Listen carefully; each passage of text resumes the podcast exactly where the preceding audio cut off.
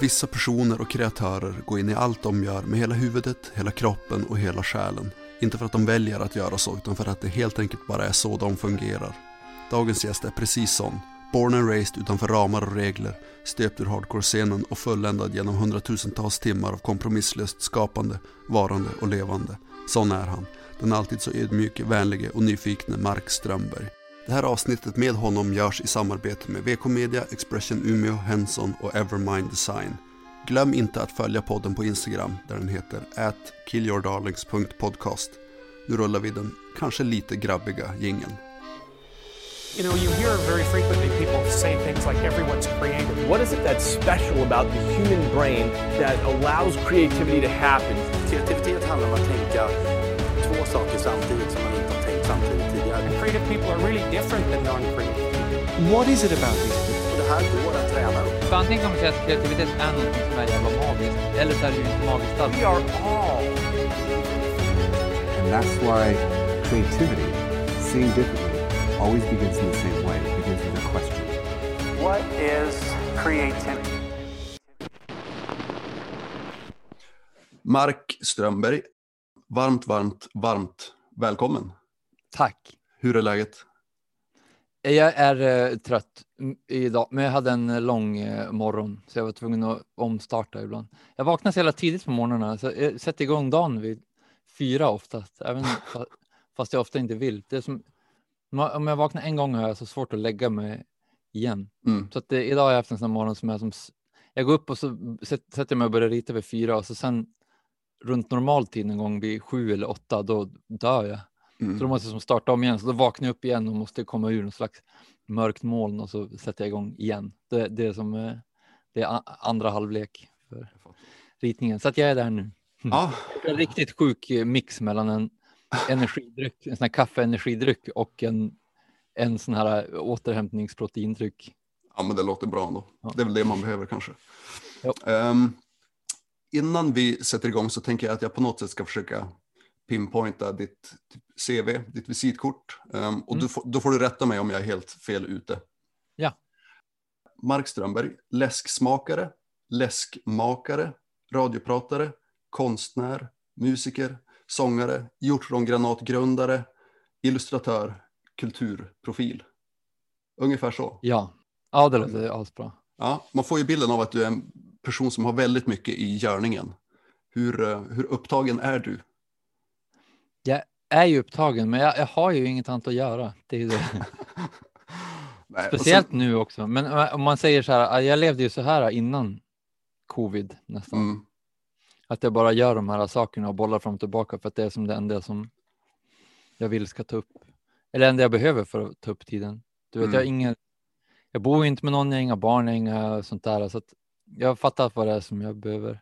De små sakerna som jag behöver göra för att jag ska hålla mig vid liv. ja, du har levt i karantän i flera år säkert. Ja, inre karantän i flera Ja. år.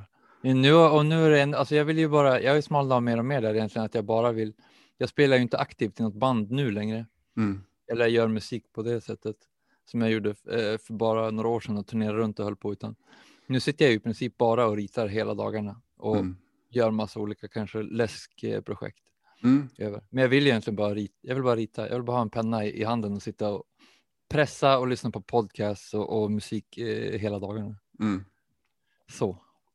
Men det är mycket grejer, det bara det far runt sådär. Ja. Ja, och det blir också, alltså när jag rabblar upp det allt sådär, det är klart det är lätt att få det att låta som att du är väldigt upptagen. Det är ju inte så att du gör allt det samtidigt hela tiden. Eh, Fast jo, det gör jag. Ja, jag är ofta när, när de är igång. Vi kan Ja. lägga till X eh, långdistans. Löp inte tävlan eller någonting utan bara besatt av det. Men det blev jag fri från som tur var. Mm, okej. Det tog upp eh, mycket tid och Ja. huvud. Jag har själv varit där. Eh, Det är väldigt lätt att fastna. Jag, jag läste den här, vad heter den? Born to Run. Ja, Den boken och sen då var det helt kört. Alltså då var det barfotalöpning och långdistans. Man skulle som bli så djurisk som möjligt i det där. Bara in i Ja. skogen och springa. Ja jag, jag levlade verkligen upp när den där kom också. Satan i helvete. Både han och så var det en löpare därifrån som heter Scott Jurek. Mm. som var en av de som var med där som också släppte en egen bok sen Som jag, gick, jag går in i det där för hårt. Det blir, jag kan börja gråta ibland när jag tänker på de här upplevelserna jag haft ute i skogen med det här. Jag, jag kan inte vara där nu. det, tar för mig, det ruinerar hela livet. Ja, jag fattar. Det, jag tror det är väldigt lätt att fastna där. Ja. Eh, men det är inte löpning vi ska prata om. Eh, vi ska prata om Nej. kreativitet, idéer, skapande, inspiration, förutsättningar. Eh, vi kanske pratar lite Norrland också. Um, Mm. jag, det finns en liten farhåga att det här ska bli typ VM i att säga saker som den kreativa processen. Um, men jag tänker att då får det bara bli så. Kan man prata om kreativitet utan att bli för pretentiös, tror du? Ja, man hamnar väl oftast, antingen så säger folk att de har en plan, så många, det är väl främst många författare som har den här, den här dealen att, att de säger att man, man vet att jag ska gå upp varje morgon, jag ska alltid skriva mellan eh, sju och fyra. Varje morgon ska jag gå upp och ska ha min rutin och ska jag sätta mig vid skrivmaskinen och bara göra. Det verkar så konstigt för att det, det, man, man hör ju oftast från författare ah, bara om hur jobbigt det är. Och att man måste släpa sig, man måste ha den där rutinen för att göra det. Medan jag kan, jag har ju samma grej nu, jag vet att jag ska rita när jag ska rita och jag ska rita och då får det liksom komma saker. Men jag tror att jag har haft den där grejen, alltså det här med att, så här, eh, jag föddes och så sen så la jag mig på mage och ritade med tuschpennor och sen har jag som bara inte gjort någonting annat sen dess. egentligen. Jag har gjort som, jag har haft ungefär samma sätt att göra, jag ritar ungefär lika bra som det då också. Jag har ju väldigt enkel stil, men, men den här kreativa processen med att man måste, man ska ha en, proc- eh, som många reklambyråer har, att man ska in i ett rum och man ska ha olika. Kom du ihåg under en period där det kom jävligt många såna här var kreativ böcker som Mm. skulle hjälpa dig Ja. kre- eh, Herrénbröderna och de här som skulle hjälpa eh, inom citationstecken vanligt folk att vara kreativa när det var så här gå, gå till jobbet eh, på olika vägar varje gång, så här, bryt rutiner, bara ät något nytt till frukost Mm. för att man ska hela tiden få, få, få nya eh, idéer och infall och så här, gör något oväntat, gå in på en lampaffär som du aldrig har varit på förut. Köp en ny godis. Så där höll de mig på. Och, och, och det är ju för folk då som kanske inte har gjort det, men, men, men för andra som, som har sånt jävla, där hela huvudet hela tiden är bara ett jävla konfettiregn av olika saker och egentligen så för att livet ska fungera så behöver man egentligen bara sortera ut dem röda konfettibitarna för att livet ska kunna funka på något sätt. Mm. Ja, men det tror jag. För dem eller oss, det är ju många som är så som redan är nu i det här. Det, då måste man jobba på åt det andra hållet. Då måste man ha de här rutinerna som författarna har. Mm. Så då blir det snarare att man måste dämpa ner det. För att de här grejerna, om det är någon som säger, "Ö, kan du, jag skulle behöva göra en, kan du göra en, en bild som, eh, det, ska, det ska vara en lök, eh, ska vara med och så ska det vara en stor jeep och så ska de dunka ner i, i ett stort eh, hav av gelé. Mm. Då, be, många, då behöver man som dämpa ner det istället för att det ska komma, då kom, det kommer så naturligt. Att, jag vet inte, den här processen är inte en del längre.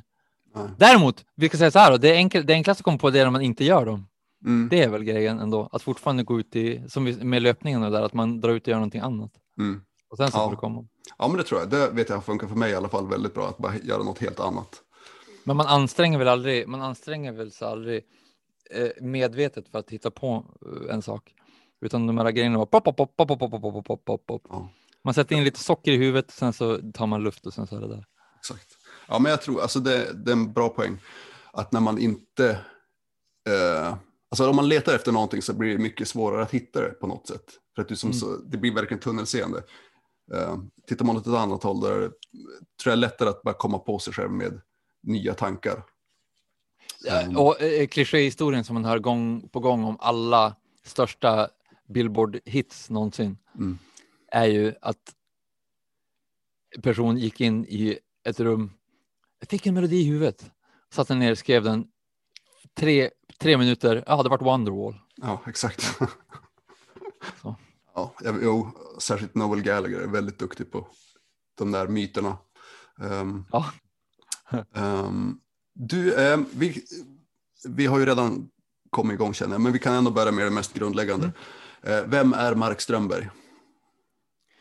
Ja, alltså jag, eh, nu ritar jag ju mest bara, men jag är också uppvuxen i Umeå, främst inom eh, Umeås eh, hardcore-scen som blomstrade under 90-talet och, och eh, 2000. Så att där har jag som fått, där har jag lärt mig så eh, jävla mycket om hur man kan göra saker själv, om man trycker egna tröjor, om man gör egna tidningar, om man startar band, om man fixar egna spelningar och, och eh, mina största kändisar och idoler är sådana som jag kan se på stan Mm. samma dag senare och liksom allt är väldigt nära och man kan göra allting väldigt enkelt istället för att växa upp med att ha någon idol. Jag hade ju också det, Michael Jackson eller någon, men som sen så jävligt långt borta som att det är helt omöjligt att börja. Mm. Och så då där plötsligt med att vara i en liten stad, att det finns att man kan dra i många kontakter och så vips så har man ett nätverk och så kan man fixa saker och göra sånt där. Mm. Det där har satt så jävligt mycket eh, såklart redan från början som gjort att vad jag än ska hoppa in i så känns det alltid enklare att göra det själv och det känns eh, alltid som att man kan våga hoppa in i det. Mm. Men jag tror inte att det skulle vara så i Stockholm eller någon annan stad nödvändigtvis, eller om jag hade vuxit upp i någon större, bredare scen som inte har den här, det här systrar och brödraskapet som finns. Mm. Man backar Ja. varandra i en- underground-scen. Ja, men jag tror att det kan vara en jäkla bra skjuts eh, för inspirationen att bara vara så otroligt nära allt. Att, som du säger, man kan träffa sin stora idol på stan i princip. Mm. Och att allt finns som så nära till hands. Jag tror att det är jätteviktigt att det, fin- ja, det finns liksom ett forum som är lagom stort för att komma, kunna komma upp i det snabbt och sen som ändå är så pass stort att när jag väl har gjort något så, så är det folk som märker det. Mm. Så, så det har varit en flamma liksom hela tiden.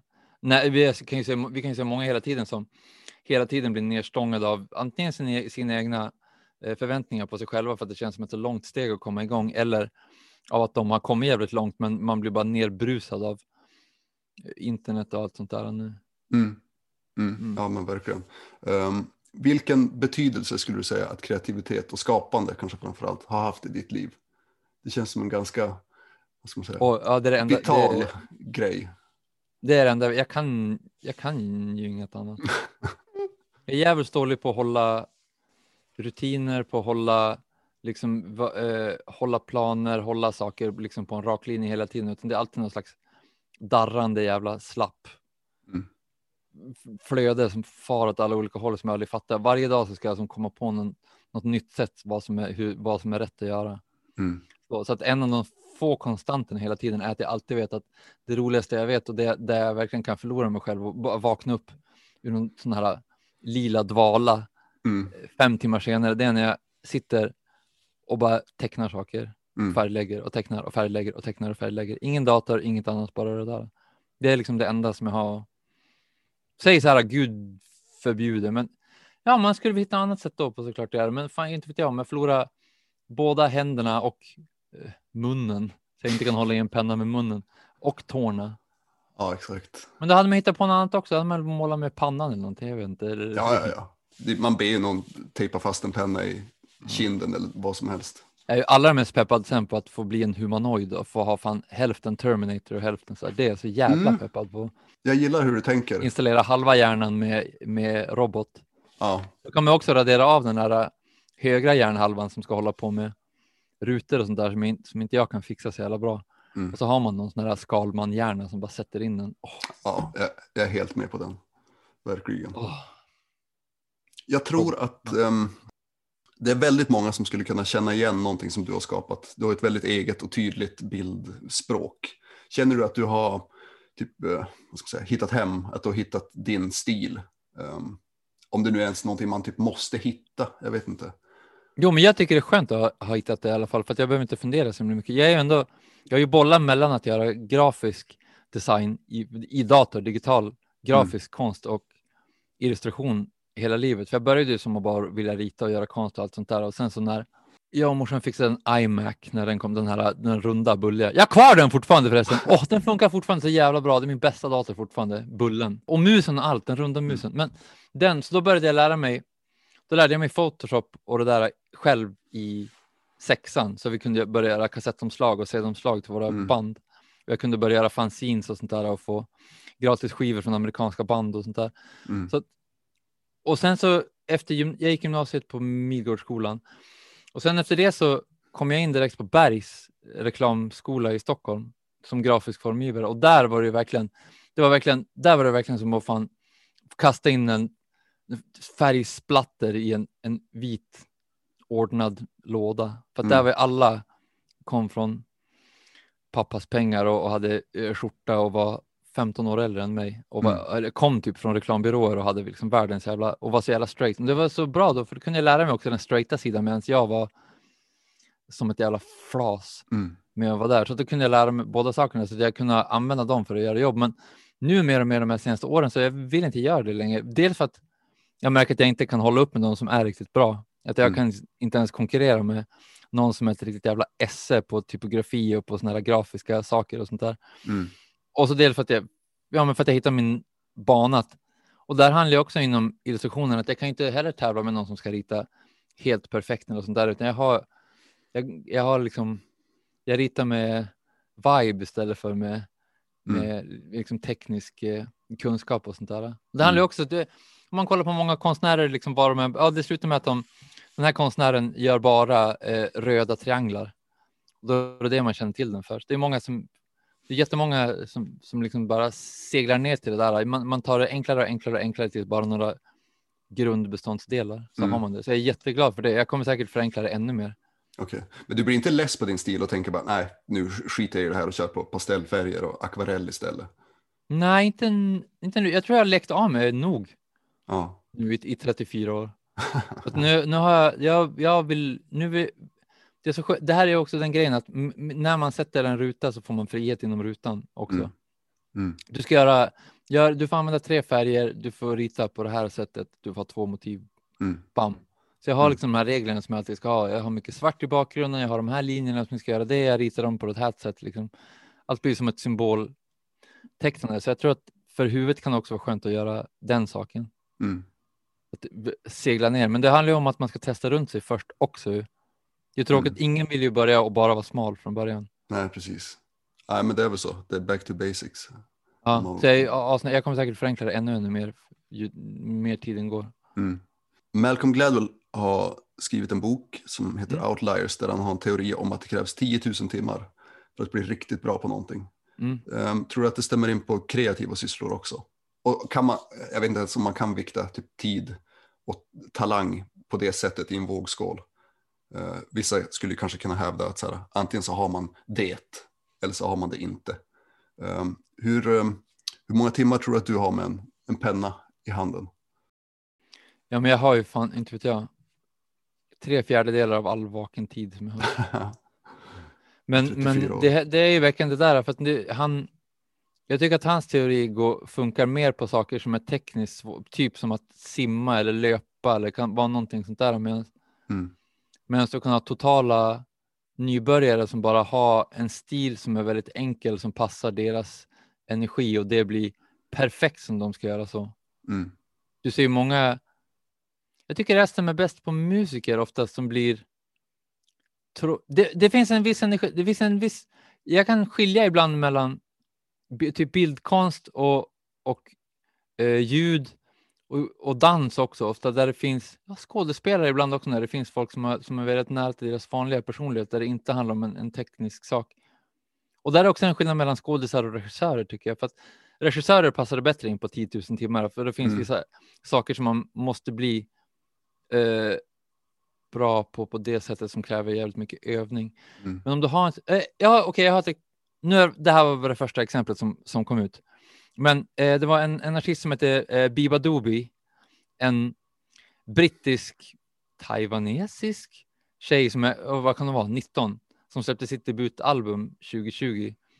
Och de, det debutalbumet innehåller hennes första låtar som hon någonsin har skrivit. Det är liksom, hon är så pass ny att skivbolaget har hunnit snappa upp henne Mm. eh, och släppa hennes album. Och hon hade sina första gig nu under covid, så att hennes releasefest var typ hennes riktiga spelning med band. Mm.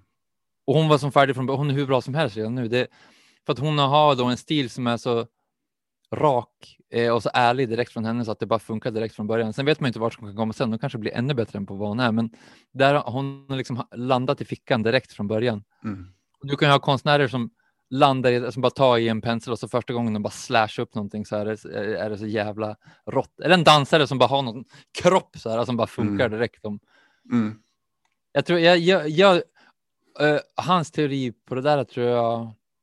Ja, många andra saker som jag dykt in i har jag känt att det här krävs. De, alla de här sakerna för att det ska bli bra. Jag har inte tid att göra dem där för jag vill ju rita helst. Mm. Det går som inte att ha ett sidointresse som kräver den här eh, lojaliteten till att, att lägga ner sig för att det ska bli riktigt kul. Mm. För att vissa saker vill man ju nå till en viss nivå för, för att de ska bli roliga att göra också, inte bara hålla på och kämpa med den här skiten hela tiden. Ja, verkligen. Annars gäller det ju att ha tålamod. Och det, Ja. det är fan svårt. Och där får man ju passa på ibland att fan göra när man är ung då, så man pa- passar på, håller på att nöta eh, snowboard och skateboard så att man kan ha någon sorts medelgrej när man är äldre så man inte behöver hålla på och lära sig det då. Sådana där saker som är så jävla jobbiga att lära sig när man är vuxen. Ja, exakt. Ehm, jo, och där kan jag ibland känna också att här, det finns saker jag skulle vilja kunna, men att jag, så här, jag orkar inte gå igenom alla de här stegen för att lära mig det. Alltså, så här, jag skulle vilja kunna rida, jag skulle vilja kunna vara svinbra på att dansa. Mm. Jag, vill inte, jag orkar inte lägga ner någon tid på det. Alltså 10 000 timmar, absolut inte. Jag vill bara vara bra direkt. Ska hoppas på de här robotkroppsdelarna nu då, så du Ja. kan programmera in det bara. Verkligen. Det är där vi har hoppet. Men var- vart kommer vi nu på det här? Jo, men av de, alla de timmarna jag har lagt ner så jag är fan inte bet- mycket bättre på. Jag är inte mycket bättre på tekniskt rita nu Mm. än vad jag var för några år sedan eller när jag var mycket mindre. Mm. Men jag har bättre skalle för att jag kan göra allting mer eh, medvetet. Mm. Jag är bättre på att göra val och, och få fatta vad som är rätt och fel i alla fall. Så det är fortfarande ett val nu i alla fall. Ja, men jag tänker ändå att alla de här eh, tusentals timmarna du har lagt, de måste ju ändå på något sätt ha eh, gjort någonting. Alltså även om du kanske inte känner dig tekniskt bättre så måste de ju ändå ha eh, utvecklat dig på något sätt. Eller måste. Ja, i men, skallen. Ja. ja. Ehm, rimligtvis i alla fall. Ehm, när skulle du säga att du insåg att du var duktig? Eller att säga, ja men det här, det här kan jag göra. Men jag har, fått, jag, jag har fått jävligt mycket pepp hela tiden. Jag har aldrig... Det är inte så många... Det är ingen runt om mig som har så här aktivt spottat på mig och försökt trycka ner mig. Morsan har varit peppande hela tiden. Och... Ja. Så det var inget så här stort eureka moment, utan det har bara... Nej, men hängt inte tvungen att bryta mig ut mot någon eller, eller så här kämpa i uppför. Däremot så det har jag aldrig funnits... Jag har inte haft pengar att göra, alltid velat göra eller du vet, styra upp allt sånt där som man vill göra och ribban för alla oss ligger ju alltid, den ligger alltid högre än vad vi är någonting. Vi är aldrig nöjda när vi är där, utan det var, det var vi för två år sedan. Mm. Tänkte vi på var vi är nu och nu är det inte nog längre. Mm. Men det där går ju också tillbaka till att växa upp i en, i en sån där uh, subkultur eller i en mindre scen där de här små målen går och nå ganska snabbt så att det, så att det kan få. Det går att få igenkännande eller liksom eller feedback eller uppskattning. Ganska med, med jämna mellanrum hela tiden. Det, som Mm. har varit så jävla bra. Mot för, du, du, om vi, vi börjar släppa en demokassett. Vi spelade in en. Vi spelade in. Jag hade mitt första punkband när jag var tio och vi gjorde en bränn-CD Mm. med det. och, på, och, och där, redan där så kunde vi liksom få, bara de här små kommentarerna hela tiden gör att vi bara fortsätter. För jag vill också, jag vill inte skapa någonting i ett vakuum. Usch, det där kan ju störa mig. Det här, är- det där är en annan diskussion, men du vet när, när det ska vara de här jävla pretentiösa jävla rövarna som ska säga hela tiden att så jag gör det bara för mig själv. Jag bryr mig som inte om, om någon inte hör. Det är som bara till för mig så där. Jag Mm. bryr mig. Men och så sitter de där i en tv-soffa. Ja, exakt. Här är du. Och den är ute på Spotify idag. Mm. Det där, jag vill, jag vill, jag, vill, jag måste erkänna att jag, vill, jag, jag tycker det är mycket roligare om jag, kan, om jag gör det för någon. Jag vill göra det för att någon ska reagera på det. Mm. Absolut, alltid att någon ska reagera på att någon ska se det. Och någon ska, de behöver inte säga att bara, gud vad duktig du är, jag älskar dig, gud vad bra. Man bara att någon ska, okej jag vet den här, den här personen har sett det nu i alla fall. Mm. Jag behöver inte säga någonting. Andras ögon är, roligare än mina.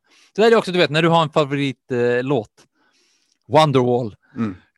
Jag vill, eh, jag vill lyssna på Wonderwall tillsammans med någon annan, för då får jag lyssna på Wonderwall genom den här personens öron. Mm. Det blir en helt ny låt för mig. Det är som en Ja. egoistisk eh, upplevelse också. Ja, ja, oh ja, och samma sak gäller det med film också. Älskar att se Ja. om filmer med folk, visa sina Ja. favoritfilmer. Alltså det är det bästa.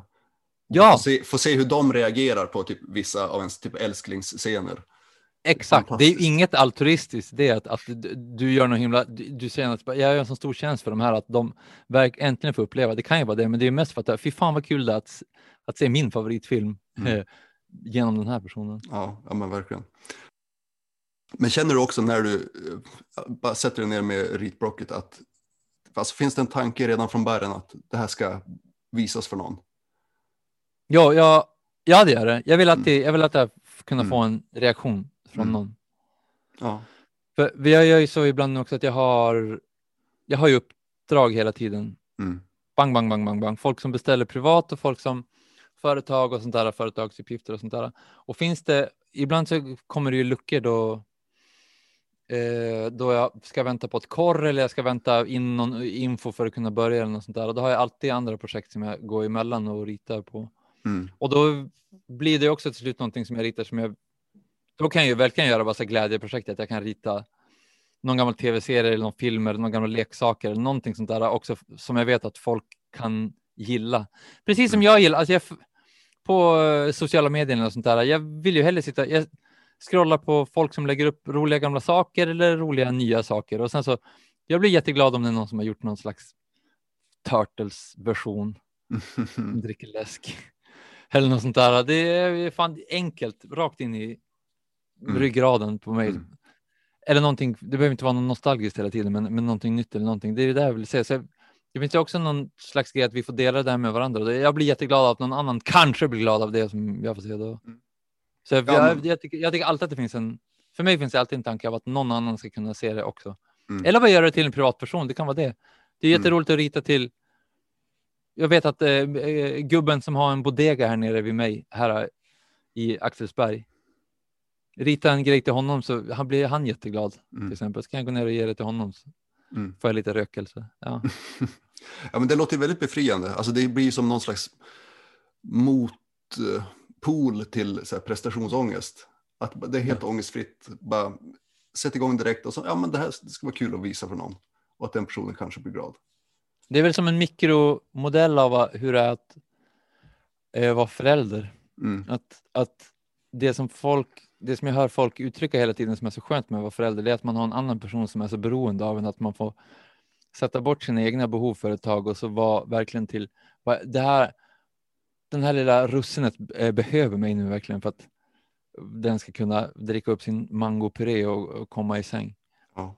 Det känns, känner man sig jätteviktig på det och jag har ju som ett annat, det som jag kan erbjuda är inte ett föräldraskap utan det är den här det är de här bilderna, liksom det, det är det jag kan göra. Om man är snickare så, så hjälper man folk att bygga saker och skriver man så kan man skriva. Ja. Ja, men det, så, var, var, mm, vad säger man då? Var person på sin plats i sin egenskap i Mm. behov av andra. Mm. Nu har det blivit dags för en hälsning från våra vänner på kommunikationsbyrån Henson. De är verkligen intresserade av det här med västerbottnisk kreativitet och innovation. I de här åtta avsnitten så kommer de att göra korta nedslag i vår kreativa historia. Vi ska få höra om olika västerbottniska innovationer och påhitt som har förändrat världen i både stort och smått på 15 sekunder. Häng med när vi lämnar över till Henson. Västerbottensosten.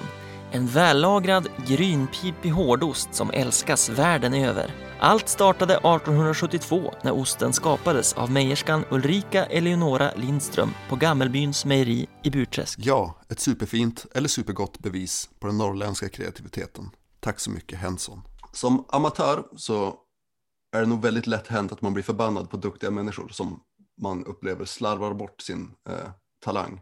Mm. Eh, om man har talang är man skyldig sig själv och eller andra eh, att göra någonting av det då. Nej. Jag kan tycka det är jättebefriande när det är folk som har talang och så väljer de att vara helt straight för att de fattar att ibland att jag har den här talangen, men det är inte det som kanske gör bäst. Mm. Man skulle göra det av fel anledningar då. Ja, eller min omgivning. Ja. Mm. Att det finns många som, som har möjlighet att de är så pass vadå, är duktiga eller i, i, i andras ögon duktiga att de skulle kunna försörja sig på det och, skapa jävligt bra saker, men de väljer att för att de kanske har ett, ett annat familjeförhållande eller ekonomiska eh, grejer som gör att de inte kan eller vill. Och så bara har de ett, nej men jag, jag tänker ta ett så här 9 till 5 jobb och eh, jobba helt straight och så kanske jag gör någonting på fritiden. Mm. Jag tycker det är asskönt att se. Det är fan ett högre jävla medvetande om något. Att kunna, att kunna göra det, att vara så pass klarsynt och se och, och, gör, och stark och göra det valet. Andra blir ju inka- jag vet inte. Om jag hade styrkan kanske jag skulle göra så. Jag, inte, inte vet jag. vet inte om det här så som jag lever nu är optimalt för, för så här för långt och, och så här stabilt. För att du vet, pengar noll en månad och annat. Du vet, allt far ju bara så här. Så, så kan det vara hela tiden. Och med arbetstider och rytmer och, och rutiner och sånt där. Även om man har sådana så det är ju ett sånt jobb som inte är det. Att jag kan få ett jobb på en fredagkväll som ska vara klart på måndag. Så får man göra det. Det spelar liksom ingen roll. Jag har ju valt att göra Jag vill ju ha det så nu också. Men det är inte det som lägger de här. Om man snackar om att man ska ha rutiner för att må bra och man ska göra samma sak, exakt samma saker hela tiden och veta vad som kommer och sånt där. Mm. Så är det ju inte ett sånt liv som är. Nej, jag fattar. Vad tror du att du hade gjort om du inte gjort det du gör nu? Alltså det kan du ibland lockas av tanken på typ ett mainstream-jobb bara. Ja, jag försökte jobba på byrå några gånger. Mm. Det funkar inte. Jag, vill inte. jag hatar ju chefer och jag hatar att sitta och ta emot någon annan och jag hatar att någon annan ska hålla på och pilla och ändra för mycket och sitta på ett kontor vid en dator så där så mycket. Mm. Jag jobbade ett tag som humpare, alltså man bygger och river scener, men det var ju bara som ett extra jobb utöver när jag satt och gjorde designsaker.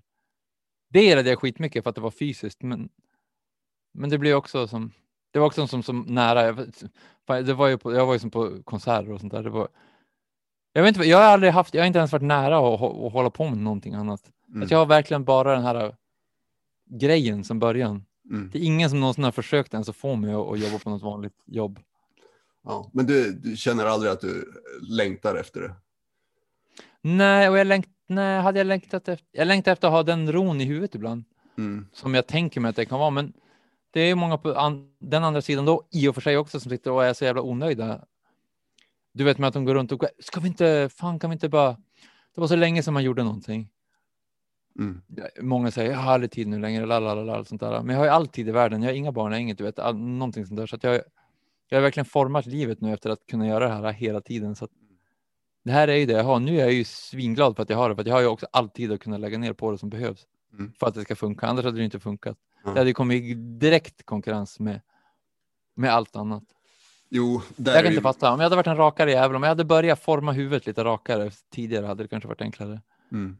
Din huvudsyssla som du också har pratat om är ju att egentligen rita. Um, Mm. Det är ju på många sätt ditt jobb, eh, men du verkar också göra många saker eller rita väldigt mycket som inte är direkt förknippat med jobb.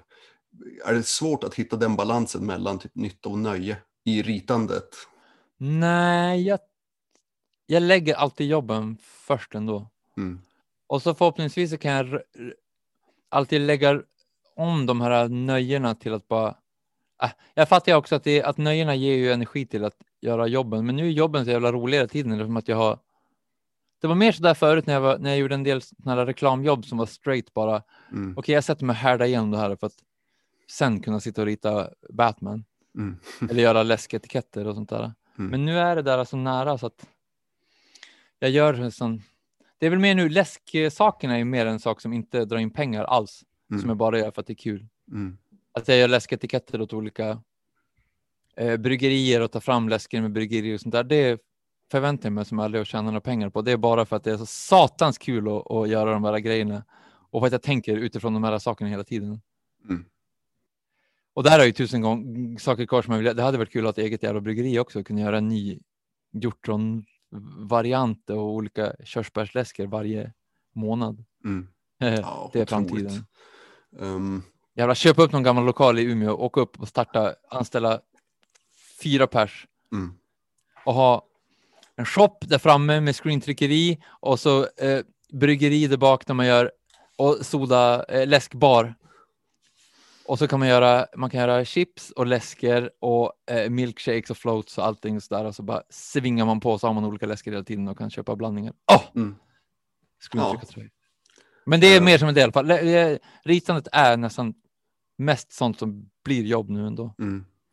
Men hur funkar det då? Eh, Jag är väldigt nyfiken på det här med deadlines. Eh, Många kan ju uppleva att det är väldigt svårt att kombinera med typ skapandet eller kreativiteten. Mm. Det är som, ja, deadlines är den stora finnen i röven när man Mm. vill skapa någonting. Vad tänker du? du? Har du något problem med det där? Alltså blir du... Nej, tvärtom.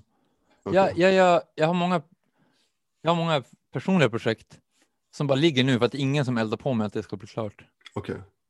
Jätte, alltså bara mm, typ barnböcker och serietidningar och eh, massa jävla illustrationer som man ligger på en bunt, så här, hundratals tröjor och läsker och läsketiketter och tidningar och posters och allting. Som är, för att det är ingen som säger åt mig bara nu måste du skicka in det, nu måste vi fixa det. Mm. Medan när jag vet att jag måste göra någonting annat, då kan jag ju vänta ut det snarare.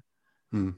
Det är jätteskönt att vänta ut det i sista sekunden och bara jobba där, där tidsramen blir en del av en del av uppgiften på något sätt. Mm. Okej, jag måste rita det här och jag har den här tiden på mig. Bam, då blir det här äh, motivet, för det är det som hinns med. Det är jätte, jätte, jätte, jätteskönt. Jag har exakt ett sånt projekt nu som bara ligger, som är hur roligt som helst, som jag håller på med svinlänge, som bara brr, varför ska jag gå in och fixa med det där nu? Det är ingen som har eh, bett om det ens. Mm. I, som, som i sådana svagare stunder då inte har den här chutzpan och bara ta tag i det och göra klart det, så då kommer det inte hända. Mm. Så jag tycker det är jätteskönt med, med deadline Mm. Jag vet många som är så också att det blir så skönt behöver att det. ha en aspekt av det. Ja. Ja, just det. Inför den här eh, inspelningen så pratade vi lite grann och försökte hitta en dag då det skulle passa att spela in. Eh, och då nämnde du att eh, ja, det egentligen inte spelar någon roll eftersom alla dina dagar ser likadana ut. Ja. Eh, hur skulle du säga att en sån vanlig dag ser ut? Vad gör du? Då oftast, men inte helst, så brukar jag vakna vid fyra typ. Mm. Jag har någon grej, jag har vaknat tidigt sedan jag var liten. Mm. Jag tror aldrig jag hade någon sån här tonårsperiod där jag slappade runt tills klockan tolv. Mm. Höll på, sen var alltid upp och höll på. Det var och förut var jag ute och löpte alltid tidigare, men nu går jag bara och börjar rita igen och, och dola på. Det är så jävla mysigt med de här svarta timmarna när ingen är vaken och det är kallt och gå ut och andas lite luft och bara sitta och rita sen och hålla på. Mm. Så då vaknar jag då tidigt, så sätter jag mig och börjar rita direkt och ha, och ha några album eller, eller poddar som, som jag har på G som jag verkligen vill lyssna på. Jag lyssnar på mest på musikgrejer, eh, grejer, musikpoddar, intervjuer och reportage och sånt där. Så sitter jag och ritar en massa timmar. Så tar jag en paus, går ut och, går ut och andas någonting eller handlar någonting om jag behöver, bara såna små vänder. Kommer tillbaka, ritar fram till lunch, går ut en bit. La, la, la, la, la. Ah, får lite luft, lyssnar på någonting. Köper någon filmjölk. Kommer tillbaka, ritar till typ sen runt kanske fyra, fem någon gång. Då kan jag ta en liten promenad igen. Och sen så brukar jag slå av några timmar för att då har jag ändå hållit på i typ 12-11 timmar Mm. redan. Så då brukar jag bara slå av alla, då brukar jag ofta slå av telefon och internet och allting och sätter mig och kollar på någon film eller tv-serie och typ käka chips. Mm. Softa av eller ta en siesta om jag behöver det också. Och sen så får jag som ett andra varv på kvällen. Då har inte jag oftast suttit vid internet så mycket heller, så då kan jag rita lite eh, och sen så sitter jag och kollar igenom alla eh, mail-saker, typ kolla sociala medier, kolla av nyheter, musiknyheter, allt sånt där som har hänt, sätter på eh, SVT eller någonting. Och så sen när klockan är 9-10, då fan då är jag död. Mm. Det är typ så det brukar vara. Ungefär exakt så brukar jag försöka variera. Mm. Jag tänker att vi också ska prata lite om eh, förebilder eller inspiration. Har du några oväntade förebilder? Nej. Ingen, till, ingen sådär som vi pratade om tidigare att jag kan se upp som, som, som jag kan försöka följa någons ord eller följa någons exempel. Mm. Jag tror jag börjar se på så mångas fel och eller sånt där att de är bara helt vanliga, att det finns liksom en anledning att se upp till någon sådär. Mm. Men så här, teck, eh, bara teckningsmässigt så är jag ju helt galen i Sven Nordqvist och, och Jan Löv. Det har alltid varit mina favoriter som, som ritar Skrotnisse och Mannen med röda äpplet. Ah, just det. Den Mm. fantasi, den. Jag har väl inte så mycket stilmässigt ihop, men, de, men på det sättet som de ritade, att när jag var liten och så hade de ritat så jävla mycket saker, att de hade ritat en bild, men i den bilden så var det hundra bilder och det var hundra små situationer som hände överallt. Mm. Det där gillar jag så jävla mycket att få göra till andra också, att någon annan kan få sitta och titta på en bild och upptäcka saker hela tiden. Du vet som de här tandläkarbilderna. Mm. Och han ritar så jävla s- Jan Löv fortfarande är så jävla eh, fin. Mm. Han var ju med i någon, han var med i någon eh, intervju nu i tv och radio i och med att han släppte en ny Skrotnisse-bok. Han släppte någon bok med Johan De Geer i, i höstas. Och då hade de intervju med honom igen. Han har liksom dragit sig undan, han och hans fru bor ute i Tjotahejti, bara ute och han vill som aldrig åka in och alla hans polare klagar på att han aldrig vill åka in till stan igen. Jag vill bara vara här och sitta här på verandan. Men han har något sånt där att det jag har förstått nu på senare år, det är liksom den riktiga glädjen, det är liksom när man den riktiga lyckan är att bara få sitta och teckna. Det var så, enkelt var det bara. Det är bara att sitta och teckna. Det kan jag tänka på som jag liknar mig efter. Det är en sån jävla enkel sak. Det är så mycket annat som jag tror att jag ska vilja göra och, och det ska vara saker hit och dit. Du vet, jag har aldrig ens, jag har aldrig hållit på med droger i hela mitt liv. Jag har aldrig druckit öl eller rökt någonting eller något sånt där någonsin. Liksom inga sådana rushar alltid, har aldrig nått Mm. mig någonsin i och med att jag växte upp med det här hardcore straight edge grejen från att jag var fan var tio år gammal. Mm. Ingen av de där sakerna vart det liksom bara Mark Strömberg. Jag vill bara sitta och teckna. Du vill ligga på magen med din tuschpenna. Ja, Mm. det är väl nog det närmsta. Han är väl då det är det närmsta, inte något, och inte något i övrigt annars hur han håller på. Han har ju en massa andra fel också som en gammal farbror som bara Mm. ritar andra farbröder. Men, men uh, bara den där energin som han gav mig när jag var liten blir jag så glad av nu och kan, kan fortfarande gå tillbaka till nu när jag gör saker. Mm. Det är det. Oh, om man ska säga, inte för att jag har förebilder. Björk, artisten Björk, Mm. kommer jag ihåg var den första artisten som verkligen på riktigt öppnade upp någon slags annat eh, chakra, känslochakra i kroppen när jag var liten. Jag kommer ihåg att när jag hörde henne. När hon släppte eh, Post, den rosa skivan på 90-talet någon gång. Då kommer jag ihåg att jag, hade ju tidigare, jag lyssnade på Fan Tears for Fears och The Cure och sånt här innan som, som verkligen så öppnade andra saker i mig Mm. som var jävligt känslomässigt. Men Björk öppnade något annat och henne går jag ofta tillbaka till och hon är som jag kan lyssna på vissa låtar fortfarande och så är det bara som att automatiskt sätta på floden och så bara forsar det Mm. eh, tårar och känslor och allting som är så jävla fint fortfarande. Ja, men Björk, ehm, nu har jag lyssnat väldigt lite på henne, men jag tycker ändå att det känns som att hon är ganska långt ifrån allt annat man har hört. Jag tror i alla fall första gången man hör Björk så känns det som att så här, Mm. väldigt snabbt inser man att ah, men det här är något annat. Ja, hon är någon som inte nöjde sig med den här ramen som folk trodde att okej, men hon sjunger så här svävande på technobeats Mm. och så plötsligt så har hon gjort en typ en app där hon håller på med musik, musik eller byggt en jävla stor vävharpa över hela scenen som hon ska hålla på och ingen fattar vad som händer. Nej, exakt. Får du skjuts i din kreativitet av eh, alla så starka känslor man kan känna? Alltså sorg, lycka. Hur funkar det som inspiration? Jo, jo, ja, men det funkar bra. Det handlar ju om att bi- binda mig fast till pappret på något sätt. Mm. Att jag, Ja. Det är jävligt, jag, ja, säg. Nej, men jag tänker att om man skulle rada upp allt, alltså verkligen allt du någonsin har gjort på bara en lång rad ehm, och så Mm. gick man längs den, eh, skulle man kunna se då att så här, ja, men här har han, har han haft en sorgeperiod. Kan man se sånt i det du gör? Jag, tror, men jag tror man kan se vad jag haft för tankar i alla fall. Det behöver inte vara, det behöver inte vara de här äh, stapelkänslorna som att det här är en arg teckning. Det här är, för att jag har ändå ett bildspråk som är ganska som kan innefatta både eh, mycket blommor och, och nakna kroppar eh, och monster och aliens och små figurer som är väldigt kärleksfulla med varandra. Mm. Men, men jag tror att det finns, det finns alltid tankar, typ om jag, har, om jag har längtat någonstans eller att jag har längtat efter någon eller att jag har längtat efter eh, eh, ett visst eh, tillstånd då kommer man till så tror jag man kan se det. Man kan ofta se det, man kan också se det ibland tror jag på hur pass så här, dum detaljerade, ibland är det ju bara detaljer som inte fyller någon funktion egentligen, utan som jag har bara gjort för att nu är det så jävla skönt att vara här inne, nu är jag verkligen inne i någon, nu ska jag fortsätta göra, nu ska jag göra 35 knappar på den här maskinen. Mm. Det behöver egentligen bara vara tre för att det ska kommunicera vad det är jag vill eh, ta fram. Mm. Jag, tror man kan se, jag tror man kan se när jag varit mer vibig i alla fall, vad nu, vilken nu känsla det kan vara. En, Mm. en vibe tycker jag ofta kan vara en, en avsaknad av en stark känsla. För jag kan ju ofta tycka det är jävligt skönt, om vi säger att jag sover väldigt länge och är ganska, och lite mer balanserad, så kommer får jag aldrig någon rush, eller då är jag på, på ganska så här jämn nivå hela dagen Mm. då, kan jag, då går det också enklare att komma in i vibb, för då finns det ingen känsla som ska dra åt något håll eller något annat. Annars handlar det alltid om att försöka balansera med socker och, och, och variation eller luften och sånt där för att jag ska hålla någon så här normal nivå. Mm. Men, men, men att komma in i en, en vibb så där och förlora sig själv i fem timmar, då är man helt, du vet, då, är det, då drar du utanför ditt eget känsloregister och du Mm.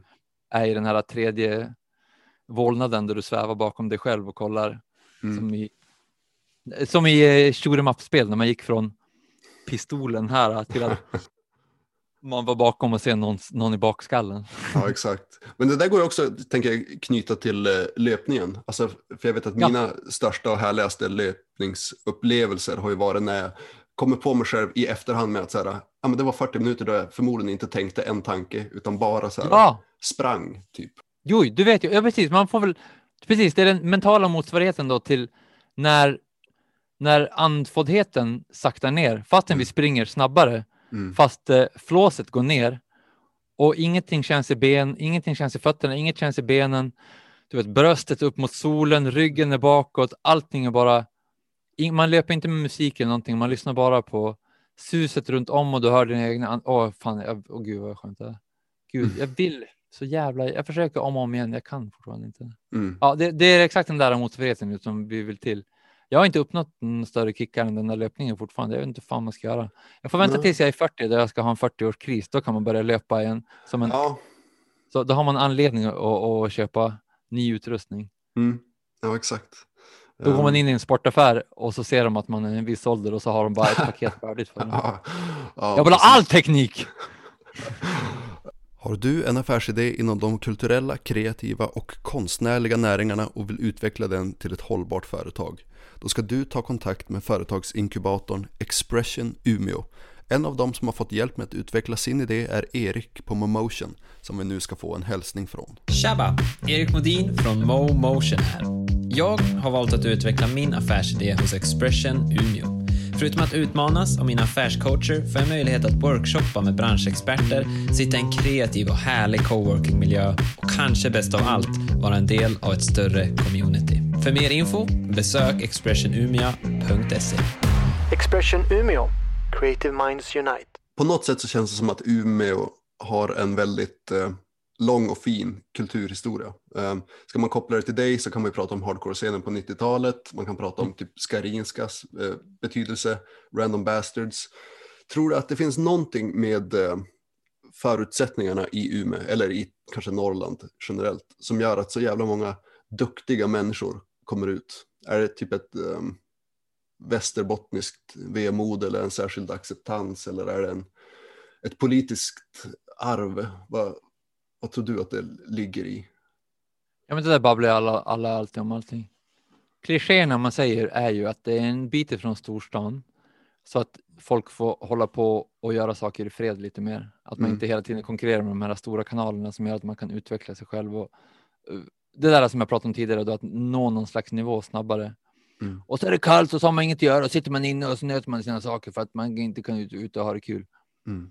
Men, eh, men jag tror också att, just det, och så universitetsstad, att det alltid byts ut, att det alltid är ungt folk eh, Mm. där. Hur ska man veta vad fan det är? Vi är ju därifrån, vi har inget perspektiv på det där fan alls.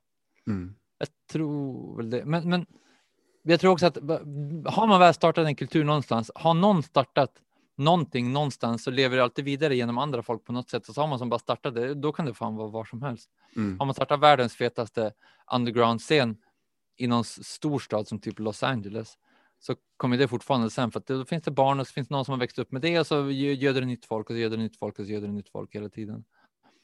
Men, men jag tror, eh, i alla fall i de där jag växte upp, eller under 90 där och 2000, i alla fall i de med de omständigheterna som jag har haft så har det varit perfekt för att jag ska komma dit nu i alla fall. Mm. Fan vad jobbigt det skulle ha varit. Jag kan, men det vet vi inte heller för att jag har inte växt upp med en iPad i knät sedan jag var barn heller. Mm. Men att hela tiden få se så jävligt mycket av andra folk som gör. Ibland så måste du ändå sätta dig i en bubbla när du har kommit på en idé om att fan jag ska göra så här tre gröna cirklar som glänser och så låter det D-dur Mm. ur den hela tiden. Och så måste du få leva i den villfarelsen någonstans att du är den enda som har gjort det. Att enda sättet för att du ska kunna orka jobba ut det här eller energin att jobba ut det är för att du har för att du lever i, i, vetskapen att du är den enda som har kommit på det här. Om, om jag direkt googlar upp det och så ser jag att typ fan tio andra personer gjort det här svinbra på Youtube. Jag kommer aldrig sätta mig i det och göra det då. Visst, Mm. så är det ju. Ja, Att det finns ju en verkligen. del saker i att bara vara, att vara, att det du inte vet lider du inte av. Den Mm. grejen hela tiden. Med skygglappar, så kan det vara med att rita också. Jag, jag sitter ju inte och följer jätte- jättemånga andra illustratörer för att jag märker hela tiden att jag bara, jaha, den där har gjort det där, har gjort det där, har gjort det där, har gjort den här ritar bättre, så den här bara, wow, fan vad bra den här personen var på att rita den här hästen.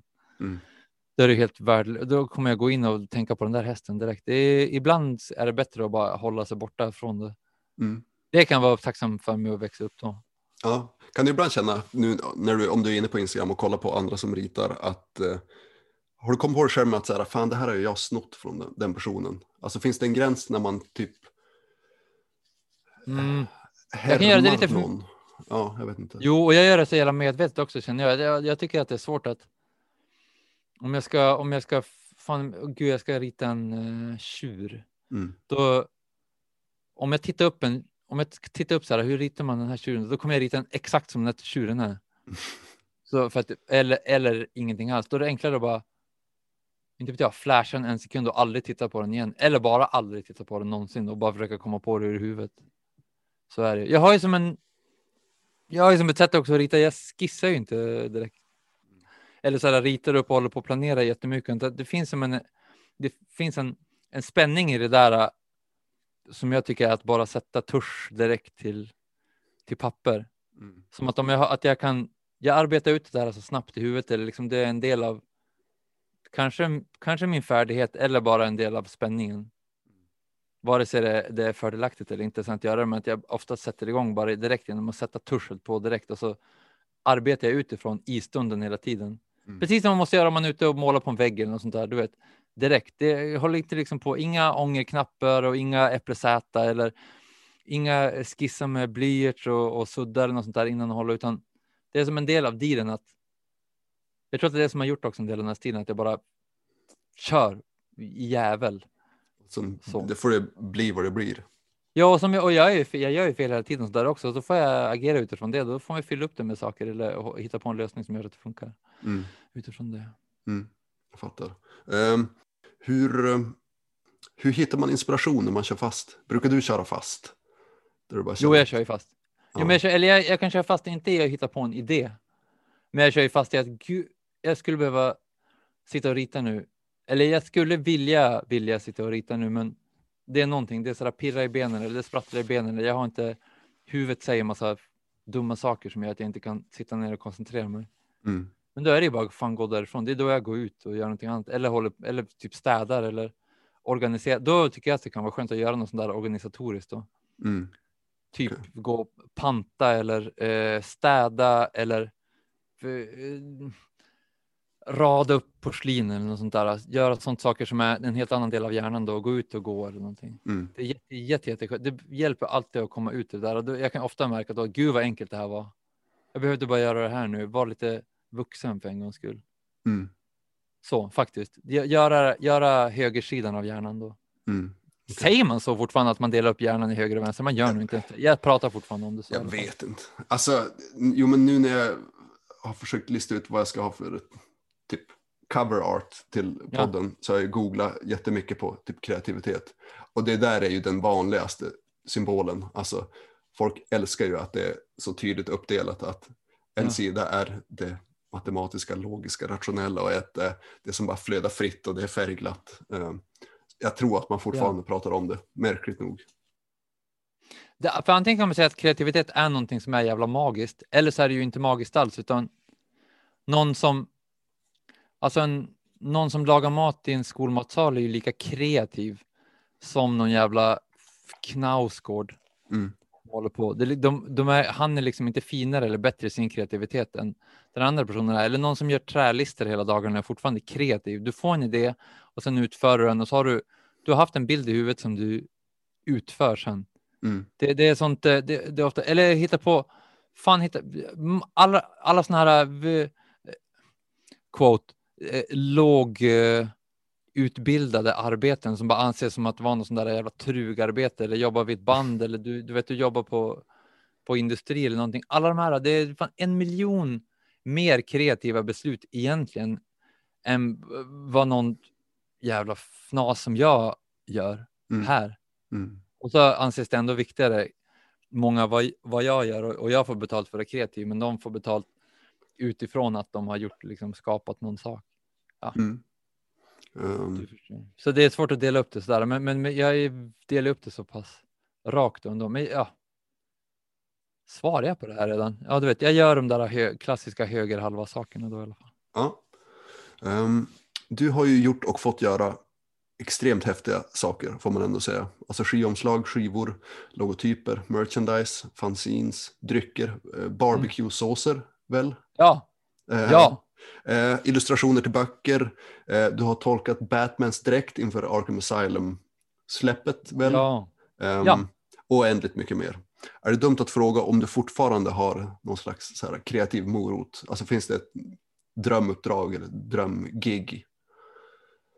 Men en miljon Mm, grejer vill Mark Strömberg fortfarande göra.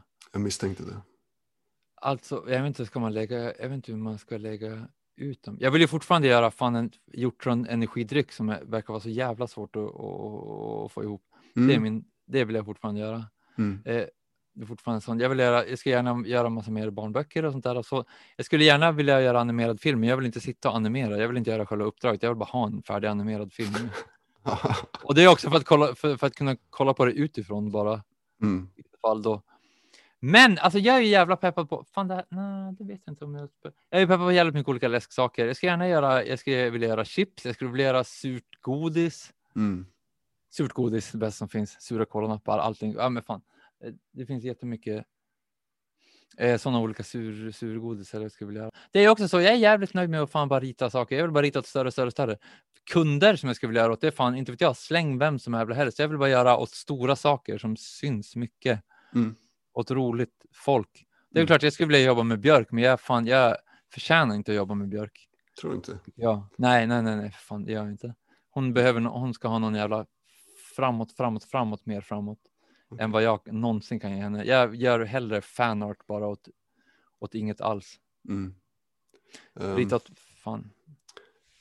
Ja, bara rita åt alltså- stort, fan, stort folk, alla stora artister, alla stora företag, allting. Jag Mm. tänker också så här med, med det här, man, man kan snacka om att sälja ut eller inte, liksom om man har någon moralisk kod för vilka man ska jobba med och inte säga, fan jag skulle aldrig, det var en, ska aldrig jobba med McDonalds, jag ska aldrig jobba med lalalala. Mm. Man måste ju alltid, jag säger inte att jag skulle göra det automatiskt bara för att de skulle hojta, men förmodligen. Mm. Men jag skulle också, men för att det, jag, man ser alltid på, är det, man måste väl se det som en vågskål mellan, eh, om Marlboro kommer till mig Mm. och vill ge mig massa pengar för att jag ska designa någon SIG-paket för att de ska jag vet inte om jag, jag har inte svaret på det här. Nu bollar jag bara helt fritt här ute Ja, i kosmos. Men, men, men, men om de kommer till mig och säger om eh, jag, vi vill göra ett SIG-paket för att du eh, vi vill att du ska rita på det här SIG-paketet så att folk ska köpa kanske mer SIG. Mm. Va, tror de verkligen att någon ska köpa mer SIG av att jag gör det? Vi vill att du ska rita de här missbildade bebisarna och folk som har tandröta. Mm. Fast Det illustrerat. skitcoolt. Ja. Ja, gärna. En demon som åker upp och så är det en mamma som sitter och, grå- och gråter. Mm. Eh, ja, men, men där, eh, om, om de vill det, att jag ska göra det. Om de ger mig, de ger mig, de ger mig garanterat mer betalt än vad jag får av något litet jobb. Så här. Då ger de, mig, de ger mig mer betalt. Så att jag tar mer av deras pengar än vad det skulle göra av ett mindre företag. Mm. För att jag ska få exponering genom alla deras stora kanaler så att jag når mer folk än jag skulle göra annars. Mm. Vem är det som är en jävla kuken av oss här då? Va? Ja, Är det, är det de eller jag? Man måste alltid säga det, beroende på hur mycket jag kan smyga in eller hur mycket jag kan göra eller hur mycket frihet jag får. Mycket, det är alltid den där vågskålen. Om jag får svin mycket pengar och får mer pengar och mer e- exponering än vad man skulle få annars för någonting då för, för att folk det blir också så här då, inte, inte bara för mitt eget egos skull, utan även för att om folk ser det där så alltså, kan de associera det med hardcore, de associerar det med andra andra saker som drar in dem på andra spår. Det är sa- samma sak med som band eller artister som, som tycker att de säljer ut om de blir för stora. Som att det skulle vara dåligt att mer folk vet vilka de är och får ta del av deras subkultur. För att de är, man är alltid en gateway för något annat. Man är ju alltid någons mar- marijuana. Ja. Till andra djupare grejer så där, som kan få in en på, Mm. på, på andra saker. Men det går ju också i linje med att så, här, så många vill att viss kultur ska vara, alltså att det är bara vissa personer, vissa invigda som får hålla på med det. Det ska vara som, man ska vara finsmakare, ingen annan Ja. fatta. Ehm, Ja, det där är en jävla överklassattityd. Att man, det är ett, verkligen, där har vi ett pri- privilegium som du Mm. nämnde i början. mm, Vilka som har privilegium att konsumera vissa saker eller som har Mm. kunskap om det. ja, jävla, jävla översitteri. Det är också en sån jävla lyx att bara, nej men fan, jag väljer att jag väljer att sitta och göra saker eh, för att ingen ska få höra det eller för att göra det själv. För att jag är, jag är så pass, antingen jag har så pass mycket backning att jag kan säga nej till jobb för att jag har, kommer från pengar eller att jag har liksom, jag kan bara stå och lalla på här som någon jävla lädersko och inte behöva kämpa för livet för att fan ta, jobb, ta de jobb jag kan få för att jag ska fan kunna överleva och ha det här livet. Mm. Så är det så också heller. Jag gör uppoffringar hela tiden och lever som jävla punkare för att jag ska kunna göra de här sakerna. Och nu har jag, det här är ju min huvudsyssla nu. Jag kan ju leva på det på Mm. riktigt för att jag har, men det är också tror jag för att jag har verkligen slängt jävla. Jag offrat så jävla mycket trygghet och allting och häl- hälsa och allting själv av mitt eget liv och min omgivning för att jag ska kunna ha det så här Mm. så att det inte liksom. Det finns inget där från början utan det, det har. Jag har valt att göra de här sakerna och kastat så jävla mycket grejer som, som andra eh, gärna vill ha för att kunna ha ett bra liv Mm. som jag har skit i. Ja, jag fattar. Så. Ja, men det måste vara på något sätt ändå väldigt skönt att vara fri från typ den begränsningen att man inte bara automatiskt säger nej till vissa saker för att det på något sätt skulle vara utanför ens så här, moraliska ramar. Ehm, att man, ja, det är men bara inte grej behöva oroa sig över att sälja ut sig. Att man gör det som är kul och det man in, ja, tycker att man själv tjänar på. Jo, nu tror jag också att om, man är, om vi säger att man är ny och, är, och får ett stort jobb så tror jag för de flesta så är, kommer oron då ofta in, inte från att ifall de ska sälja ut eller inte utan ifall, ifall de ska kunna prestera och, och göra det som är rätt Mm. för det då. Men man kan ju, det, ju- det, den bästa grejen att göra det är väl att man, man ska alltid se till att får man ett jobb så, ska man, så har man alltid en möjlighet att böja det till sin egen fördel. Mm. Så, att, eller, så att det passar en. Du kan Mm. ju alltid ställa motkrav eller du kan alltid böja det då på något sätt att göra så att det, det kan vara bara en liten twitch som gör att du känner dig bekväm i det. Mm. Om någon säger att du, du vill ha det, vill ha det vi måste göra det här i beige. Men vi kan, kan vi inte göra det i benvitt? Då har du någon slags eh, mittemellan där, vad du vill göra, vad, vad som är bekvämt för dig eller inte. Bara, du vet, no, någon, som, någon som kommer fram och ska skaka hand med dig och har den här lite, när, när, de, när de gör den dominanta handgesten, att, att de vinklar sin handflata neråt så att de är dominant hand. Det, den, den symboliken då av att du skakar deras hand och böjer tillbaka handen så att den är exakt vinklad eh, lodrätt. Den synen på alla jobb du får. Mm. Att du kan alltid böja det till din fördel så att det känns som att du får ut någonting av det också och känns bekvämt. Vi har ju pratat några, några gånger nu om att du gör lite allt möjligt. Ehm, Mm. Och jag kan känna att när det gäller mig själv så har jag att jag vill på något sätt så begränsa mig till typ en disciplin för att Mm. det inte ska bli så spretigt. Alltså, Mm. jag tänker att i mitt skapande vill jag vara som så tydlig som möjligt. Mm. Även om jag skulle vilja göra allt har du, du känns ju inte sån. Att du gör, du gör ju allt som du vill göra, så att säga. Alltså det, det är musik, du, gör, ja, men du ritar, du gör läsk, du vill göra godis. Uh, ja, det jag vill komma fram till är att det känns skönt och uppfriskande med någon som inte begränsar sig och inte tänker på det sättet. Ja, men jag tror att jag fattar att, det också att jag kan också tänka att jag vill göra en sak också för att det är skönt för, för min egen skalle att fatta vad jag gör. Men om jag ska välja, om jag var tvungen att dra på ett hjul och bara välja en sak så väljer jag alltid att bara, jag kan, jag kan, jag kan sitta och rita med exakt samma pennor på exakt samma storlek. Jag skulle nästan typ kunna rita exakt samma sorts motiv hela tiden också. Mm. För jag hade bara kunnat rita sådana stora fantasivärldar med gubbar och, och, och, och olika dinosaurier och sånt där egentligen. Mm. Så det väljer jag ju, det är allt. Men, men då ser jag, jag fattar ju ändå att olika saker föder varann. Att det är kul och då, att gör gör jag lite läskigt tag så kommer det att föda och så vill jag tillbaka till att rita och sånt där. Och så, det är samma med att, typ träna eller något sånt där också. Att man tränar lite grann, då blir man peppad på att dra och göra andra och så gör man andra hela tiden. Men jag kan inte balansera det riktigt. Men jag tror att man kan samla allting under. Jag har ofta haft, alltså jag gjorde ju, jag har haft olika, eller jag har gjort två olika symboler som jag gjort väldigt mycket kring som återkommer hela tiden. Dels den här UÅ-symbolen som jag och en kille som heter Erik Hurst gjorde 2007 tror jag att det var. som blev som en inofficiell symbol för Umeå som jag tror många inte vet kommer från, från oss eller från någon person i övrigt utan nu säger man, man använder ofta UO bara som ett uttryck och många som använder den där logotypen utan att de vet riktigt vart den kommer ifrån eller bara tror att det är annat. Men det, vi gjorde den 2007 och började trycka massa stickers och, tröjor och sånt där av den och, och, och höll på bla bla bla bla bla bla. Så den har vi ju hållit på med fram och tillbaks med under alla år och den. Oh, gud, det låter oskönt, men jag, är, jag äger ju den och gör som jag gör saker med den. Mm. Så att det blir konstigt om det, om det är något stort företag eller något som plockar upp det där och gör det Mm. det- och, och håller på med den. Det Då känns det som bara- att det skulle kunna hända för det, den loggan har ju verkligen fått ett eget liv. Alltså sprids ju Jo. överallt och folk tatuerar in det och det. Ja, ja. Nej, det, nej, precis. Att, och det är så jävla grymt. Det är ju grymt när det, jag tycker att det är fett när det blir så bland privatpersoner att, att det är bara en grej som folk har så här runt folk eller på gatan eller på något sånt där. Men det blir trubbel om det blir, om det är någon, du inte vet jag, så här, taxiföretag eller något stor matkedja eller någonting som ska hålla på och, och använda dem där utan att de gör, eller att, att de fattar vart det är ifrån eller så här, vis respekt var, vart det är ifrån. Då är det bara fan ringa upp de bästa från Suits Mm. och Ja, lägga upp en hello lawsuit. Ja. Men då, men, och så dels den andra är den här hjortron granatsymbolen som gjorde som började ju in, långt innan vi höll på med någon läsk. Den kom ju inte från läsken från början, utan den var ju bara någon grej som jag gjorde.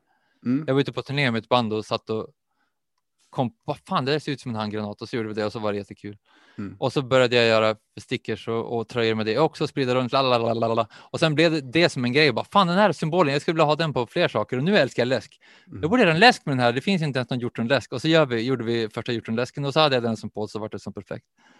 Så den kom ju också därifrån. Så att det, under de där parollerna i alla fall så har jag gjort också spretat ut massa saker. De, de in- innefattar ju inte bara en av de här sakerna, att de är bara läsk eller bara Nej. en bok eller bara lalala, utan de, är, de kan som gå att använda på flera olika saker. Så det är också skönt för huvudet att kunna göra det där ibland.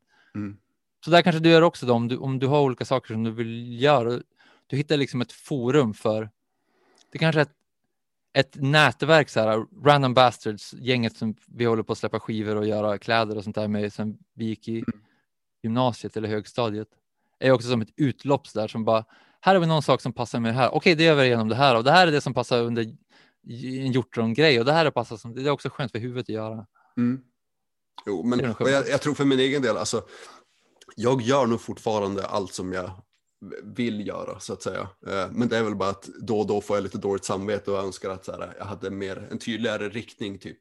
Eller Mm. bara att jag till slut valde att nej, men du ska inte göra musik utan nu ska du måla bara. Eller nu ska du skriva. Eh, Mm. Det får bli det det blir. eh, Helt fattar. enkelt. Saknar du Eh, För du, du nämnde ju tidigare att nu är, spelar du inte aktivt i ett band. Eh, Saknar du det någonting? Åh, jag skulle just komma till det, vad sjukt du sa det. Mm. Det var det jag skulle säga att jag vill göra mer. Nu, jag har inte spelat något band på ett tag nu. Jag har ändå vuxit upp hela livet med, med att mest göra musik själv. Jag har ju suttit, det, merparten av allt jag har spelat in och, och skrivit har jag gjort helt själv. Jag spelar alla instrument hemma bara. Mm. Och håller på. Men de, det musik för mig nu som har representerats de senaste åren har varit en gruppgrej, att man gör det tillsammans med folk. Mm. Att jag är ute och turnerar med ett band som heter First Blood eller med Håll det äkta eller med ett band som heter Forever Young som jag hade eller något annat band sådär. Mm. Och att en musik är en grej som man gör för att mötas. Det kan jag sakna som en grej, som en gruppgrej. För att det här med rita och konst och sånt där är ju mest ett ensam jobb. Mm. Mm. Det är ju bara, jag vill helst sitta och teckna. Mm. Det, utan musikgrejen är inget kul för mig nu. Jag har ju alla musikinstrument och alla här, men jag, fan, jag tänker inte sätta mig här och spela in för ingen alls. Det är den effekten det blir. Att jag vet också att jag har mer, jag får mer kontakt med folk om jag ritar just nu om man sitter på och spelar musik. Det ska Mm. jag gärna göra mer av. Samtidigt skulle jag också vilja göra mer av, jag skulle gärna göra mer podcasts eller radio eller någonting där jag också kommer i kontakt med människor kring musik. Mm. Vill jag gärna snacka mer musik med folk. Mm. Men jag har inte energin av att dra ihop allt det där själv nu. Jag har inte energin att dra ihop en hela podcastnätverk med typ någon som ska, jag orkar inte sitta och klippa, jag orkar inte sitta och sälja annonser eller hitta sånt där eller publicera eller hitta gäster och sånt där. Jag skulle vilja vara en del av någonting då, att någon får fan ta in mig. Så jag finns fan för att kunna prata med folk och prata om musik med folk 24 timmar om dygnet om det behövs. Mm. Fan, jag kan sitta och rita medan jag pratar till och med. Det är något jag skulle vilja göra mer av som jag saknar. Jag saknar att göra musik. Det är jävligt kul. Det är ett viktigt ut, utlopp som jag haft som huvudsak ibland. Går det, eh, ja, förlåt att jag avbröt. Går det att, Nej, s- går det att säga om du, alltså känner du dig me- mest så fri eller bekväm när du ritar eller sjunger? Alltså jag tänker ju till exempel att det måste vara oerhört eh, förlösande att vara hardcore-sångare. Det känns ju som en så jävla bra ventil som man bara kan öppna upp. Ja, och det är mest bara kul live. Mm. Jag är ju inte sångare. Jag, är ju, jag ser mig själv 100% som trummis. Trummis är mitt första instrument och det som är roligast att spela. Det är roligast att spela in. Jag lyssnar mest på det. Jag lyssnar på en musik. Jag lyssnar på musik främst från en trummis perspektiv. Jag tycker inte att det är så kul att spela gitarr, men jag kan spela gitarr bra. Mm. Shredda, inte live. Det är samma grej. Det är inget kul att spela gitarr live. Så jag spelar som en jävla S, slänger bara runt gitarren live. Jag, jag vill bara att det ska vara kul. Och, utan det är energin live och sjunga är kul för att man är som friast då. Mm. Ja, jag kan tänka mig det. Men om man vill spela nu, jag sp- jag spelar helst trummor om man vill spela med någon. Det är absolut roligaste som finns. Det är absolut fysiskt. Det är det som fan enda som kan tävla med och, och få den där löpgrejen. Löpvibben, eh, det är fan trumvibb. 100% varje gång fortfarande. Mm. Det var länge sedan jag fick sitta vid ett riktigt trumset. Ja, det är otrolig frihet, för det är också en, det finns en frihet i löpning, eller i eh, trum, trumning. Ja. Du hör, det sitter ihop. Ja. På samma sätt som man kanske hör trumkomp när man löper. Jag, vet inte. jag Mm. saknar det i alla fall. Mm. Ha, ett, eh, ha ett band och spela trummor, men då måste det vara med andra folk. Jag vill inte göra det själv. Mm. Vad skulle de bästa förutsättningarna vara för din eh, kreativitet? Finns det en miljö eller typ bakgrundsmusik? Är, ehm, är det på något sätt kopplat eller bundet till vissa förutsättningar eller typ en särskild plats till exempel? Jo, Skulle du kunna sitta och rita vart som helst? nej. Det är inte lika skönt var som helst i alla fall. Mm. Jag har ju åkt iväg ibland också, bara åkt och du vet, suttit utomlands någonstans och ritat, men det är inte som, jag kommer inte in i vibb, då är det mer också för att bara göra något annorlunda. Mm.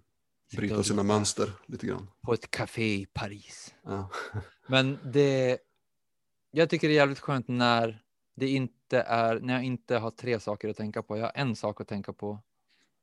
Jag vet att det är inte någon som ska komma och knacka på dörren någon gång snart. Det är ingen som ska hålla på och ringa. Jag får vara själv inne i spacet så att det är enkelt att komma bort. Jag vill komma bort från där jag är. Det är det viktigaste. Mm. Jag vill komma bort från just nu och allt sånt här. Inte ha några klocktider och hålla på egentligen just då i huvudet. Mm. Då funkar det bäst. Okej. Och så får jag lyssna på någon som bara tar mig iväg. Det behöver inte, jag vet inte om det är en skiva eller om det är en, en, en podd, men ibland, oftast är det en podd för att det är ganska skönt att hänga med någon som pratar för en. Om något som är viktigt bara. Kom bort från din egen kropp i alla fall. Det är det där tredje person. Det är det enklaste i alla fall. Mm. okej. Gärna sova åtta timmar innan. Ja. ja, det är en bra förutsättning. Och det är, låter ju som enkla saker, men fan ska ni veta vad svårt det kan vara att komma till det där ibland, även fast det, det är enda jag gör hela dagarna. Mm. Och det kan vara, kännas långt bort ifrån att man ska fan komma dit ibland. Mm. Sådana Ja. små problem har jag. För när man har sådana, fan, när man har sådana små saker som jag ska uppnå Mm. och det, ibland det inte går så är det fan inte konstigt att jag lever som jag gör. Vi har alla våra strider, verkligen. Tack. Ehm, hur stor plats har lekfullhet i ditt skapande? Det känns ju väldigt så här, utifrån väldigt glädjefyllt och drivet av typ, intresse snarare än tvång eller något annat. Ja, det måste vara hundra. Den eh, orken att orka göra det måste ju vara att jag orkar leka från början. Mm. Om jag är en tråkig, rak jävel så kan jag inte ens komma på hur, vad jag ska rita för en bil om jag ska rita det ens. Mm. Det, jag måste ju alltid ha, ha så här, kunna hitta på någon oväntad. Det är också roligt att finta folk hela tiden. Du vet, det finns ju en, det finns ju en, en någonting roligt att jag vill att jag ska kunna överraska folk, eller att jag gör någonting som de inte har väntat sig. Eller Mm. hur? Att, Mm. att jag, min uppgift är ju det på något sätt också, att de anlitar mig för att de säger, kan du rita ett grönsaksland? Och så hittar jag på tio grönsaker som de inte ens har tänkt på. De här grönsakerna gör saker och formar saker som de aldrig har kunnat komma Mm. på själv. Det är därför jag är där. Mm. Så där har jag, den där grejen måste jag ju sporra hela tiden och det finns något jävligt kul i det hela tiden att få känna att man är lite finurlig. Mm. Det tycker jag är, är jävligt eh, bra. Det är det Ja. som äggar hela tiden. Ja, men du kanske ska höra av dig till Marlboro då och be om att få bidra där och smyga in något finurligt. Ja, jag kan komma på tio, tio roliga saker som jag kan rita äckliga saker på. Mm, ja. deras, och fortfarande hålla deras eh, stil. Men, Ja, men hitta på nya fruktansvärda saker som ens kropp kan trycka ut ur hål de inte visste fanns. Ja, men är det alltid så roligt då? Alltså om vi nu säger att det är väldigt glädjefyllt och drivet av intresse. Men är det alltid kul? Och när är det inte kul? Det är oftast kul när jag inte, det är oftast, det är oftast inte kul innan jag kom igång med det. Mm. Ibland så kan jag tycka att jag borde sitta och, och vara inne i det nu, bara för att jag har fått någon, det här är perfekt tillfälle att jag borde göra det här på nu. Mm. Och nu borde jag göra det. Men det här med deadlines och sånt där, det är aldrig jag sitter här och bara, det här är inte kul, jag måste göra ut det här nu, annars kommer det inte gå. Jag fattar att det inte funkar så Mm. heller. Jag, kan, jag kommer inte rita då om, om jag sitter och tvingar. Jag vet, det blir aldrig bra. Jag tror också att man, att det här med du sa, man kan se vad jag haft för olika saker. Man kan oftast inte se om jag har ritat någonting då jag inte har velat det, för att då har jag inte ritat det. Mm. Då har jag gjort okej. någonting annat. Då Mm. får jag göra så. Fan, jaha, nu kan jag inte rita det här. Då får jag väl fan rita det här mellan klockan halv ett och fyra i natt. Då, då får det väl vara så. Och då vips hittar jag vip, vis, vibben då, för då är det fan på sista jävla deadlinen som finns. Mm. Då blir det Ja. skönt igen. Ja, jag fattar. Jag tror att det sitter så direkt kopplat. Det är väl därför det är svårt om, om man har växt upp med att bara va- leva, tänka på ett jävla sätt hela tiden. Ingen har Mm. uppmuntrat mig att, att tänka matematiskt eller som ett Excel-ark. Mm. Jag har alltid tänkt som MS Paint bara. Alla penslar, sprayverktyget, Uh, ja. hur, eh, hur jobbar du med idéer? Har du en bank in i huvudet eller har du anteckningar i telefonen? Screenshots eller? Mm, jag har haft anteckningsböcker hela tiden. Okej. Det- Dator funkar jag fortfarande. Jag köpte min första smartphone för en månad sedan. Ja jävlar. Jag har alltid, jag alltid all- haft, haft, haft, haft allting i hand antecknat Ja, okej. tills nu och skrivit, skrivit, skrivit i böcker och sånt där. Och så när de tar slut så kan jag gå igenom det igen och så kollar man om det är någonting bra. Men nu har jag ju någon slags screenshots gör jag hela tiden, men jag kollar fan aldrig på dem. Det är helt Mm. värdelöst. Jag samlar i mappar och sen så är de för gamla. Så... Oftast har jag gjort så att jag, du ser här bakom, jag har post-its på kylskåpet. Mm. Så har jag alltid haft. Jag skriver på kylskåpet med spritpennor och sånt där, där jag bott och där det inte går att ta bort eller någonting. Mm. Men oftast är det sådana eh, post-it saker. Men bara old school, Mm. papp, penna på lappar bara. Okej. Vad är sämsta tipset eh, du har hört eller fått som är kopplat till kreativitet eller skapande? Uh. Ja, men fan. För det känns som att det är så lätt att eh, tycka till och ha åsikter att ja, men någon skulle kunna säga till dig att bara, ja, men, se bara till att sova åtta timmar. Det är inga problem. De där håller på med folk med, ät bara, sov bara. Mm. Men jo, jag, du, vet vad jag tycker är det sämsta tipset man kan ge någon? Det är, tro på dig själv. Mm. Gör inte, eh, lyssna inte på vad någon annan, bara gör det själv, lyssna inte på någon. Mm. Det är det sämsta tipset man kan ge någon. Mm. Att bara direkt sätta skygglapparna och tro att man har kommit fram till svaret direkt från början. Det är fan Mm. det sämsta man kan göra. Du ska alltid ta in saker, du ska alltid fan bolla saker mellan allt och parera och kolla hur du reagerar tillsammans med andra apor och vad andra apor gör som du kan fan lära dig någonting av. Som bara tro att du har kommit fram till något jävla svar direkt. Mm. Det är en sån där gammal religiös grej som bara det finns ett svar och det finns en väg och det gör ju inte det. Mm. Precis som det vi pratade om, man kan vara, man kan, om man har en annan, om man har valt att göra andra saker eller vara mer rak eller mer spretig eller vad man nu ska göra så kan man ju göra det också. Man kan liksom byta väg och man kan ändra saker som är fel.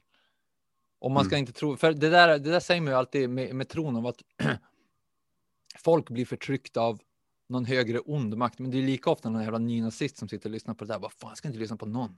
Mm. Jaha, jaha, någon sa till mig, jag ska hålla på med barnporr. Mm. ja.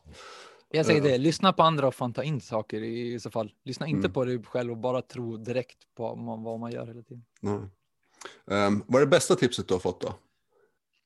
Eh, jag vet inte om någon har sagt det till mig rakt ut, men jag tänker alltid bara att det finns jävla många vägar att göra saker på. Mm. Det finns ingen normal person som man kan göra saker. Det finns. Det finns aldrig den här vägen eller den här vägen. Det finns alltid hundra vägar. Mm. Man behöver inte ha en bil eller en försäkring och man behöver inte jobba på det här sättet. Man behöver inte vara vaken på den här tiden. Man behöver inte. Man behöver inte göra alla de här sakerna som bara för att de flesta gör det så behöver man. Så är det inte bäst eh, för dig bara för att, att du om du ska göra dem. Mm. Mark Strömberg, flera tusen tusen tack för att du ville vara med. Tack för att jag fick babbla. Hallå, du har ju slutat spela in. Du har inte spelat in någonting av det här. Nej, fan säg inte sådär, vilken ångest. Usch. Avsnittet spelades in och det har nu också spelats upp, vilket känns otroligt fint. Vill man se mer av Mark så kan man följa honom på Instagram där den heter ätmark.ua och på samma plattform kan man även hitta undertecknad på @jselstedt och den här poddens konto på @killyourdarlings.podcast. Serien görs i samarbete med VK Media, Expression Umeå, Henson och Evermind Design. Nästa vecka gästas vi av två personer. Dels professor Christer Nordlund som forskat i kreativa miljöer men också av Maria Persson som driver projektet Dagens Dam där hon ritar ett historiskt kvinnoporträtt om dagen sedan flera år tillbaka. Det vill man verkligen inte missa.